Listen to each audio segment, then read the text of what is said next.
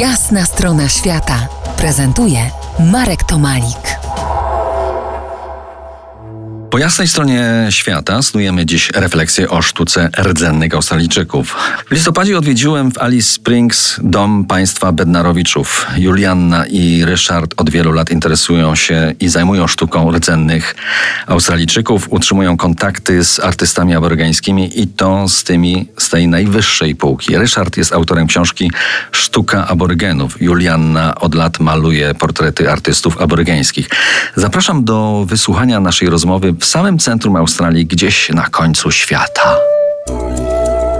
Jestem w dziwnym, urokliwym miejscu, gdzieś w Alice Springs, w niewielkim domku, który wypełniony jest po brzegi sztuką aborygeńską, ale nie tylko z, tutaj z Australii sztuką aborygeńską, ale także z Papui Nowej Gwinei. Ryszard, skąd w ogóle w Twoim życiu taki rys na sztukę? No to już y, to zainteresowanie rozwijało się bardzo długo, od szkoły, przypuszczam, średniej. Studiowałem kulturoznawstwo, gdzie duża część przedmiotów dotyczyła estetyki sztuki, historii sztuki. Przyjechałem do Australii ponad 30 lat temu i odkryłem właśnie tą najstarszą sztukę na świecie, która się nazywa sztuka aborygenów. I ta sztuka cię porwała. E, w pewnym sensie tak, bo to jest najnowsza sztuka, ale zarazem najstarsza, ponieważ tradycja malowideł naskalnych sięga 60 tysięcy lat. I tak sobie tutaj żyjecie, ty i twoja żona. Trafiają do was aborygeni, przynoszą wam swoje prace. I jak to długo trwa? Jak długo jesteście tutaj w Alice Springs? E, jak mocno wasze życie związane jest z aborygenami i z tą sztuką?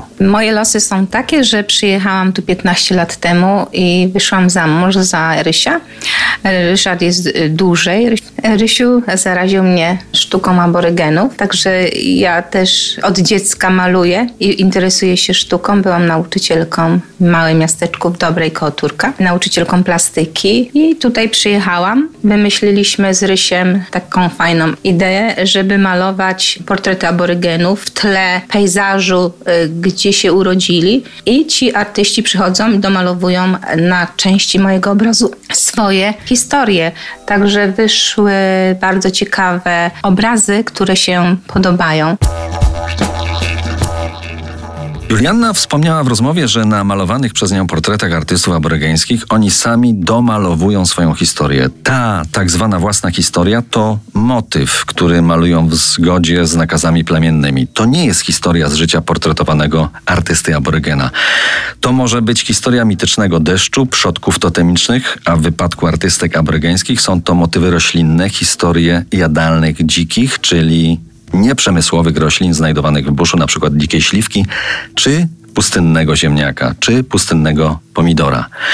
Za niejaki kwadrans zapraszam na ciąg dalszy mojej rozmowy z Julianną i Ryszardem Bednarowiczami. Zostańcie z nami po jasnej stronie świata. To jest jasna strona świata w RMS Classic.